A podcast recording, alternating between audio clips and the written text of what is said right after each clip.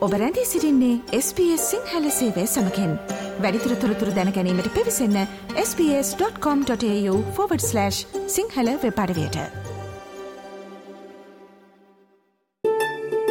SBS world news ජාතික සහ අන්තර්ජාතිකව ඔබට වැදගත්වන ප්‍රවෘත්ති සැනින් සමීප කරයි. කෙටි වෙලාවක් තුළදී ලෝකයේ සිදුවන ප්‍රධානතම කරුණු කිහිපය කෙරෙහි ඔබව සම්බන්ධ කරන ඒ පිළිබඳව ඔබව යාවත්කාලීන කරන අපගේ සිකුරාදා විශේෂන්ගේ ලොව වටා විදෙස් විති සමාලෝචනය අපි හෙමනම් ආරම්භ කරන්නට අදත් සූදානම්. ශ්‍රී ලංකාවේ සිට අපිත් එක්ක සම්බන්ධ වෙන්නට සූදානමින් සිටිනවා පුරුදු පරිදි තොරතුරු වාර්තා කරන්නට ප්‍රංශ ප්‍රවෘත්ති සේවයේ ශ්‍රී ලංකා ශාඛාවේ ප්‍රධානියා විදිහට කටයුතු කරන මාධ්‍යවේදී අමල් ජයසිංහ මහතා. අමල් ආයිබෝවන්. ආයිබෝවන් දිලුක්ෂි. අද සැත්තම්බර් මාසේ අටවෙනිදනේ සැප්තම්බර් මාසේ එකොළොස් වෙනිදා. ඒ කියන්නේ ලබන සඳුදා ආරම්භ වෙනවා එක්සත් ජාතීන්ගේ මානව හිමිකම් කොමිසමේ පනස් හතරවෙනි සැසිවාරය. මේ ඔක්තොම්බර් මාසේ දහතුන් වනිදා දක්වා දිව යනවා. ඒ අතර වේලාවක අපි දන්නවා මේ මානව හිමිකම් කොමිසමේ හැම සැසියකදින් වගේ ශ්‍රී ලංකාවට නියමිත ඒ තොරතුරු පිළිබඳව කතා බහ කරනවා. ලබා දීපු නිර්දේශ ක්‍රියාත්මක කරලද තියෙන්නේ කියලා තොරතුරු විමසීම් කරනවා. යම් ප්‍රකාශ ඉදිරිපත් කරනවා මානව හිමිකම් කොමසාරිස් වරිය විසින් මේ වගේ නොයකුත් දේවල් සිදු වෙනවා. අපිට දැනගන්නට ලැබෙනවා මල් සැසියට పూర్වෙන් ශ්‍රී ලංකාව සම්බන්ධව අවධානය යොමු කරන කරුණු ඇතුළත් වාර්තාවකුත් මේ වෙනකොට නිකුත් වෙලා තියෙනවා කියලා. ඒ පිළිබඳවයි මගේ මුල්ම විමසීම ඔබෙන් මොනවද ඔබට ලැබෙන තොරතුරු? දිල්ලුක්ෂි මේකත් දැන් මේ හැම සැසියකදීම ශ්‍රී ලංකාව පිළිබඳ වාර්තාවක් මහා කොමසාරිස්වරයා ලබා දෙන්නට ඕන මානවහිම්කම් කවුන්සිලට. ඉතින් ඒ අනුව යමින් තමයි මේ වාර්තාවත් සකස් කරලා තියෙන්නේ.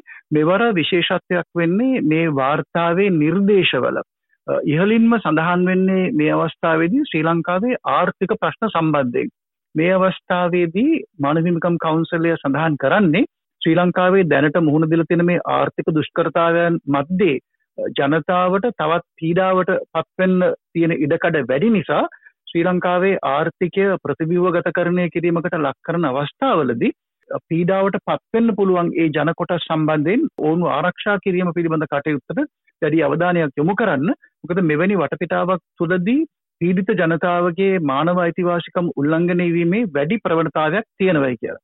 ඒ එකම ජාත්‍යන්තර ආයතනවලට ඒ කියන්නේ ලෝක බැංකුව සහ ජාත්‍යන්තර මුල්්‍ය අරමුදල වගේ ආයතන වලින්ු තිල්ලිමක් කල්ල තියෙනවා ශ්‍රී ලංකාවේ මේ ආර්ථික අර්බුදයෙන් ගොඩීමට ශ්‍රී ලංකාවට සහය දෙන්නටයි කියලා. ඒවගේ අනෙකුත් රටවලිනුත් මේ අවස්ථාවද ඉල්ලිමක් කල්ල තියෙනවා. ශ්‍රී ලංකා මුහුණ පාල තියෙන දුෂ්කරතාවලින් මිදන්නට ඒ අවශ්‍ය සහය උපකාරය ලබා දෙන්න කියලා ඒවා කරන අතරතුරේදීම ජනතාවගේ මානවයිතිවාසිකම් උල්ලංඝනය නොවෙන ආකාරයට කටයුතු කරන්නටත් වග බලාගන්නයි කියලා ඔවුන්ගේ ඉල්ලිමක් කළ තියෙනවා. මීට අමතරවදිල් රුක්ෂි අර මීට කලින් අවස්ථාවලදී අවධාරණය කරපු කරුණුම නැවතත් ඔවුන් සඳහන් කළතන තියෙනවා. විශේෂයෙන්ම වගවීම සම්බන්ධයෙන් ඒ එක්කම ශ්‍රී ලංකාවේ සිද්ධ උනායයි කියන යුද අපරාධ සම්බන්ධයෙන් ඒවා පරීක්ෂණ කිරීමේ අවශ්‍යතාවය. ඒ එක්කම පහුගිය මානව අයිතිවාසිකම් උල්ලංඝනය කිරීම සම්බන්ධයෙන් සුවිශේෂී සිද්ධීන් සම්බන්ධයෙන් මීට වඩා කරුණු සොයා බලන්නට කියලා විශේෂයෙන්ම දෙදස් දහනමේ පාස්කු ඉරිදා ප්‍රහාරය සම්බන්ධයනුත් ප්‍රකාශයක් මෙතන කළ කරලා තියෙනවා. විශේෂයෙන්ම ඒ කරුණු අනාවරණය කරගෙන ඒ පරීක්ෂණ ඉදිරියට ගෙන යෑමේ අවශ්‍යතාවයත් අපරාධ කරපු පුද්ගලයන් සම්බන්ධයෙන් කටයුතු කරනවා පමණක් නෙමෙයි දැනට ලබාගෙන ඇති ඒ පරීක්ෂණ වාර්තා ඒ එකම කොමිෂන් වාර්තා ඒවා ප්‍රසිද්ධ කරන්න කියන ඉල්ලීමත් මේ අලුත් වාර්තාවෙන් ශ්‍රී ලංකාවෙන් ඉල්ලලා තියෙන. අපි දන්නවාමල් දැන් මේ චැනල් ෆෝ නාලිකාව විසින් ඉදිරිපත් කරපු මේ පාස්කු ප්‍රහාරයේ මහමොලකරුවන් කවුරුන්ද යන වගේට තොරතුරු හෙළිදරව් කරමින් විවිධ පුද්ගලයන් සාක්ෂි ලබා දෙමින් ඉදිරිපත් කරපු ඒ වාර්තාවත් එක්ක යළිත් වතාවක් මේ පාස්කු ප්‍රහාරයේ වගකිවයුත්තන් කවුරුන්ද යන වග පිළිබඳව ලොකු කතාබහක් මේ වෙනකොට ඇති වෙලා තියෙනවා. ඔබට යම් තොරතුරු ලැබෙනවද මේ චැනල් ෆෝනාලිකා විදිරිපත් කරපු මේ තොරතුරු වාර්තාවත් සමගින්ම පාස්කු ප්‍රහාරය සම්බන්ධව ජිනීවා මානව හිමිකම් කොමිසමේ තියෙන උනන්දුව අවධානය තවදුරටත් තීව්‍ර වේවි කියලා. ඒ සම්බන්ධව යම් යම් පිරිස් අපි දන්නවා මානව හිමිකම් කොමිසමට යනවා අතුරු සැසිවලට සම්බන්ධ වෙලා කරුණු ඉදිරිපත් කරනවා මේ වගේ දේවල් වෙනවා. ඒ පිළිබඳව පසුබිම සැකසෙන ආකාරයක් පිළිබඳව ඔබට තොරතුරු වාර්තා වීමක් තියෙනවද? දිලුක්ෂ අපි දැක්කා ගිය සැරේ ගිය අවුරුද්දෙත් මේ විදිහටම පාස්කු ප්‍රහාරය ගැන සාකච්ඡාවක් වෙනකොට ශ්‍රී ලංකාවේ කාඩිනල් මැල්කම් රංජිත් එක්ෂ ජාතීන්ගෙන් ඉල්ලීමක් කළා මේ ශ්‍රී ලංකාවේ පාස්කු ප්‍රහාරයේ වින්දිතයන් සම්බන්ධයෙන් මැදිහත් වෙන්න කියලා. ඉතින් මේ විදිහට චැනල් ෆෝ නාලිකාවේ මේ ප්‍රකාශයත් එක්කලා ඒ වටපිටාව අනුව තමයි මේ වෙනකොට මානවහිමිකම් කවන්සිලේ මේ ඔවුන් ඉදිරිපත් කරන ශ්‍රී ලංකාව ගැන වාර්තාවෙත් මේ පාස්කු ප්‍රහාරය ගැන සඳහනක් ඇති කල්ලා තියෙන්නේ. ඉතින් ඒ චැනල් ෆෝ එක නිසාද මේ වාර්තාවට මේ පාස්කු ඉරිදා ප්‍රහාරය ඇතුළත් උනේ කියන එක අපිට කියන්නට අමාරුයි.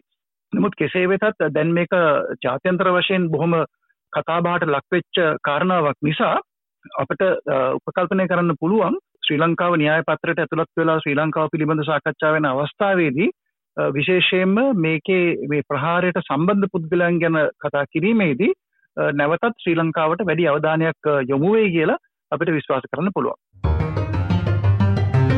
මීළඟට අවධානයට ලක්කරමු මේ ආසියා ශාන්තිකර කලාපේ තියෙන ප්‍රධානතම සමුළුව ආසියාන් සමුළුව පිළිබඳව සැප්තැම්බර් මාසයේ පස්වනිදා සිට හත්වනිදා දක්වා මේ සමුළුව පැවැත්වුණා. මේ සමුළුවට සමගාමීව ඔස්ට්‍රේලියාව තුළ විශාල කතාබහක් ඇති වුණා. දැන් ඔබත් දන්නවා අපි ප්‍රවෘත්ති වලින් අපගේ කාලීන තොරතුරු විග්‍රහයෙන් මේ පිළිබඳව තොරතුරු අපි ඔබට ඉදිරිපත් කළා. පසුගිය දින කිහිපය තුළම විශේෂයෙන්ම අගමැති ඇන්තනි ඇල්බනීසි සහ චීනය සමග තියෙන මේ සබඳතා නැවත වතාවක් වර්ධනය කර ගැනීමේ ප්‍රවණතා පිළිබඳව අපි කතා බහ කළා. දැන් අමල් මං කැමති මේ ආසියාන් සමුළුවට සම්බන්ධ වුණු රාජ්‍ය නායකයින් එහිදී ගත්ත තීන්දුව තීරණ සහ එහි විශේෂතා පිළිබඳව සමාලෝචනයක් විදිහට ඔබෙන් තොරතුරු දැනගන්න.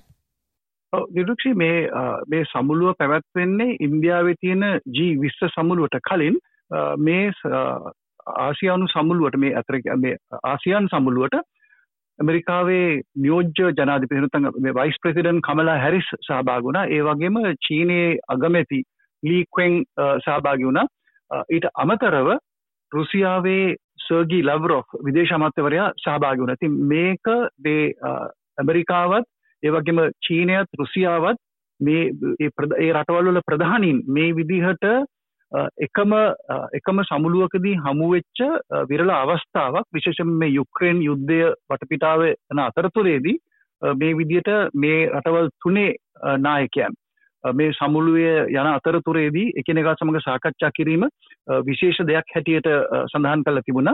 මේ සමුළුව යන අතරතුරේදීම ඇමරිකාවේ රාජ්‍ය ලේකම්වරයා ඔහු ප්‍රකාශයක් කලා යුක්‍රේණය සම්බන්ධයෙන් තවත් ඩොලර් බිලියන එකක යුද ආධාරයක් යුක්‍රේණයට ලබා දෙනවයි කියලා. ඉතින් මේ හැම සමුළුවක්ම පැවැත්වෙන්නේ අර යුක්‍රේන් යුද්ධය සහ ඒ අවට කරුණු කාරණා සම්බන්ධයෙන් ඒ පසුබිමක් තුළ තමයි මේ අවස්ථාවවිදිත් මේ සමුළුව පැවැත්වෙන්නේ. ඉතින් මෙතනදී සුවිශේෂ කාරණක් වුණේ මේ සමුළුවට සහභාගි වෙන්න. ඉන්දිය අග්‍රාමාත්‍ය නරේන්ද්‍ර මෝඩි සහභාගන ඒවගේම ජපානය අග්‍රාමාත්‍යවරයා දකුණු කොරියාවේ ජනාධිපති කැනඩාවේ අග්‍රාමාත්‍යවරයා ඔස්ට්‍රේලියාවේ අග්‍රාමාත්‍යවරයට අමතරව තවත් රාජනායකින් කීපදනෙක් සහභාගී වෙච්ච මේ සමුළුවේදී විසිසෙම දකුණු චීන මුහුදේ චීනය ක්‍රියාකලාපය සම්බන්ධයෙන් දැඩි විවේචනයක් තියෙනවා. ඉතින් මෙතනදී ඇමරිකාව ඒ වගේම ෆිලිපීනය සහ අනෙකුත් ඒ රටවල් මේ අවස්ථාවදී චීනය එක්තරා විදිහකට විවේචනයට ලක් කර. ඔවුන් සඳහන් කර මේ කලාපේ විශේෂෙන් මේ දකුණු චීන මුහුදු කලාපේ නිදහසේ නාතික ගමන් සිද්ධ කිරීම සඳහා කවුත් එකඟ වෙන නීතිමය රාමුවක් තුළ මේ මුහුදු කලාපේ සෑම කෙනෙකුටම නිදහසේ ගමන් කිරීමට අයිතියක් තිබිය යුතුයි කියන කාරණාවත් මේ සමුළුවිදී අවධාරණය වුණා. ඉතින් චීනය මේ අවස්ථාවේදී විවේචනයට ලක් වුණා. මොකද චීනය මේ කලාපේ අනෙකුත් රටවල් වලට තර්ජනාත්මකව මේ මුහුදු කලාපේ හැතිරෙනවයි කියන චෝදනාව ඔවුන්ට මුණ දෙන්නට සිද්ධ වුණා. ඇමරිකාව සඳහන් කලා ඔවුන් බොහොම පැහැදිලිවම මේ කලාපේ මුහුදු ගමන් සම්බන්ධයෙන් නිදහසේ ඕනම රටකට මේ කලාපේ මුහුදු ගමන් ඇති කරන්නට හැකිවන ආකාරයේ කටයුතු කරන්නට ඇමරිකාව සහය දක්වනොය කියන ඒ පණිවිඩත් මේ සමුළුවේදී ඔවුන් ලබා දුන්න. හොඳයි අපි දැන් ආසියන් සමුළුව පිළිබඳව කතාබහ කලාට පස්සේ කතාබහ කරමු. හෙටින් ආරම්භ වන දින දෙකක ලෝකයේ නැගියන ආර්ථික රටවල් ඇතුළත් සමුළුව ජීවිස්ස සමුළුව පිළිබඳව ඉන්දියාවේ නවදිලිනුවරදී පවත්වන්නට නියමිත මේ ජීවිස්ස සමුළුව පිළිබඳව ඔස්ට්‍රේලියාවත් විශේෂිත අවධානයක් තියෙනවා. විශේෂයෙන්ම ඔස්ට්‍රේලියාවත් ඉන්දියාවත් අතර තියෙන රාජතාන්ත්‍රික සබඳතා පිළිබඳව මේ දිනවල කතාබහ වෙනවා වැඩි මේ දවස්වල මෙහෙත්. ඉතින් අමල් මෙවර ජීවිස සමුළුවේ විශේෂතා පිළිබඳවත් කතාබහ කරන්න කැමති. මෙවර සූදානම සහ විශේෂතා අවධානයට ලක්වන කරුණු පිළිබඳව මොනවද මේ වෙනකොට වාර්තා වෙමින් තියෙන්නේ? දිල්ලුක්ෂ මෙතන විශේෂ කාරණාවන්නේ නරේන්ද්‍ර මෝඩි අග්‍රාමාත්‍යවරයා මේ සමුළුව හොබවනවා. ඒ එක්කම මේ ජීවිස්ස සමුළුවට සහභාගි වෙන්නට නියමිතව තිබුණා රුසියාවේ සහ චීනයේ ජනාධිපතිවරු. එතකොට ජෝ බයිඩන් ජනාධිපතිවරත් මේකට සහභාගි වෙනවා කියලා ඔහු ඒක ඒ ගැන සනාත කරලා තිබුණා. එතකොට මේ රුසියාව චීනය සහ ඇමරිකාව කියන රටවල් තුනේ ප්‍රධානීන් මේ සමුළුවේදී එකිනෙකා හම්බුවෙන අවස්ථාවක් හැටියට ලොකු බලාපොරොත්තුවක් බොහෝ දෙනෙක් අතර තිබුණ මේක ඒ ඒ විදිහට මේ විශේ මේ රටවල් තුන එකම අවස්ථාවකදී එකිනෙකාට හමුවෙලා සාකච්ඡාවක් පැවැත්වීම ඉතාමත්ම සුවිශේෂී අවස්ථාවක් කියලා. නමුත් දැනට වාර්තා වෙලා තියෙනවා රුසියාවේ ජනාධිපති පුටින් ඒ වගේම චීනයේ ශීජිං පින් ජනාධිපතිවරයා මේ සමුළුට සහභාගි වෙන්නේ නෑ ඒ වෙනුවට ඔවුන්ගේ නියෝජිතයන් එවනවයි කියලා. මේ සමුළුවේ බලාපොරොත්තුව තිබුණේ පාරිසරක කටයුතු පිළිබඳව එමනත්තං ගෝලීය මේ උෂ්ණත්වය වැඩිවීම පිම කියන ක්ලයිමට් චේන් සම්බන්ධයෙන් ඒ ඒ සම්බන්ධයෙන් ජී විශ්ව සමුළුවේ එකඟතාවයන් ඇතිකර ගැනීමට තමයි ඔවුන්ගේ ප්‍රධාන බලාපොරොත්තු වනේ අනෙකුත් ආර්ථික සහ රාජතාන්ත්‍රික කටයුත්තුවලට අමතරව නමුත් මේ විදිහට රුසියාවත් චීනයත් මේ සමුළුට සහභාගී නොවීම මේකේ විශාල අඩුවක් හැටියට පෙනෙන්නට තියෙනවා. ඇතරම ඉන්දියාව මේ සමුළුවේ සත්කාරකත්වය ලබාදීම තුළින් ඔවුන් බලාපොරොත්තු වෙච්ච ඇමරික් රුසියාව සහ චීනය ජනාධිපතිවරුන් මේකට සහභාගී නොවනන් විශෂයම යුරෝපා රටවල ප්‍රධානින් ඒ එක්කම ඔස්ට්‍රේලියාව සහ අනෙකුත් කලාපී රටවල්ල නායකයන්ගේ සහභාගීත්වයෙන් ජීවිස්ස සමුළුව පරිසරික ප්‍රශ්න සම්බන්ධයෙන් ආමන්ත්‍රණය කිරීමේදී සාර්ථක සමුළුවක් කර ගැනීමට ඔවුන් බලාපොරොත්තු වනයි කියලා තමයි සඳහන් වෙන්න. හෙටින් ආරම්භ වන ජීවිස්ස සමුළුව නිසා ඉන්දියාව කෙරෙහි තියෙන අවධානය තවදුරටත් වැඩි වෙනවා සමස්ත ලෝකයේම. මීට කලින් ඉන්දියාවේ අභ්‍යවකාශ මෙහෙයුම් ක්‍රියාවලිය පිළිබඳව තමයි සමස්ත ලෝකයේම අවධානය යොමු වෙලා තිබුණේ. ඔබ දන්නවා චන්ද්‍රයාන් 3 ගුවන් යානය ඉන්දියාව සඳ මතට යොමු කළා. ඉන්දියාව තමයි සඳහි දක්ෂිණද්‍රවයට යානයක් පතිත කළ පළවෙනි රට බවට පත්වන්නේ මීට කලින් සඳමතට යානයක් සාර්ථකව ගොඩ බස්වන්නට හැකියාව ලැබිලා තිබෙන ලෝකීම රටවල් තුනයි ඒ තමයි ඇමරිකාව රුසියාව සහ චීනය. ඉතින් ඒ අතරට ඉන්දියාවත් හතරවෙනි රට බවට පත් වුණා. හැබැයි ඔවුන්ගේ මේ සඳ මෙහෙයුමෙන් සති දෙකක් යන්නත් මත්තෙන් ඔවුන් සූර්යා කරහත් තවත් රොකට් යානාවක් යොමු කළා ආදිත්‍ය කියන රොකට් එක. ඉතින් මේ සමගින් ඉන්දියාවේ පිළිබඳව තියෙන සමස්ත අවධානය ඉතාමත්ම වැඩි මේ කාලේදී. සඳ මෙහෙයුමට තවත් අලුත් රටක් ඊයේ සිට එකතු වුණා. ඒ තමයි ජපානය. මූන් ස්නයිෆර් කියන මේ ජපානයේ යානය සඳ මතට යොමු කිරීම තුළින් ඔවුන් බලාපොරොත්තු වෙන්නේ කුමක්ද? මේ මෙහෙයුමේ තියෙන සුවිශේෂතා මොනවද? අපි කතා පහ කරමු අමල්. දිලුකි ජපානය මීට කලින් අවස්ථා කීපයකදී උත්සාහ කළා තියෙනවා හඳට රොකට් යානයක් යවන්න එහෙම නැත්නම් හඳ මත යානයක් පචිත කරන්නට ඔවුන් උත්සාහ කළා තියෙනවා. ඉතින් මේ උත්සාහයන් මීට කලින් අසාර්ථක වෙලා තියෙනවා.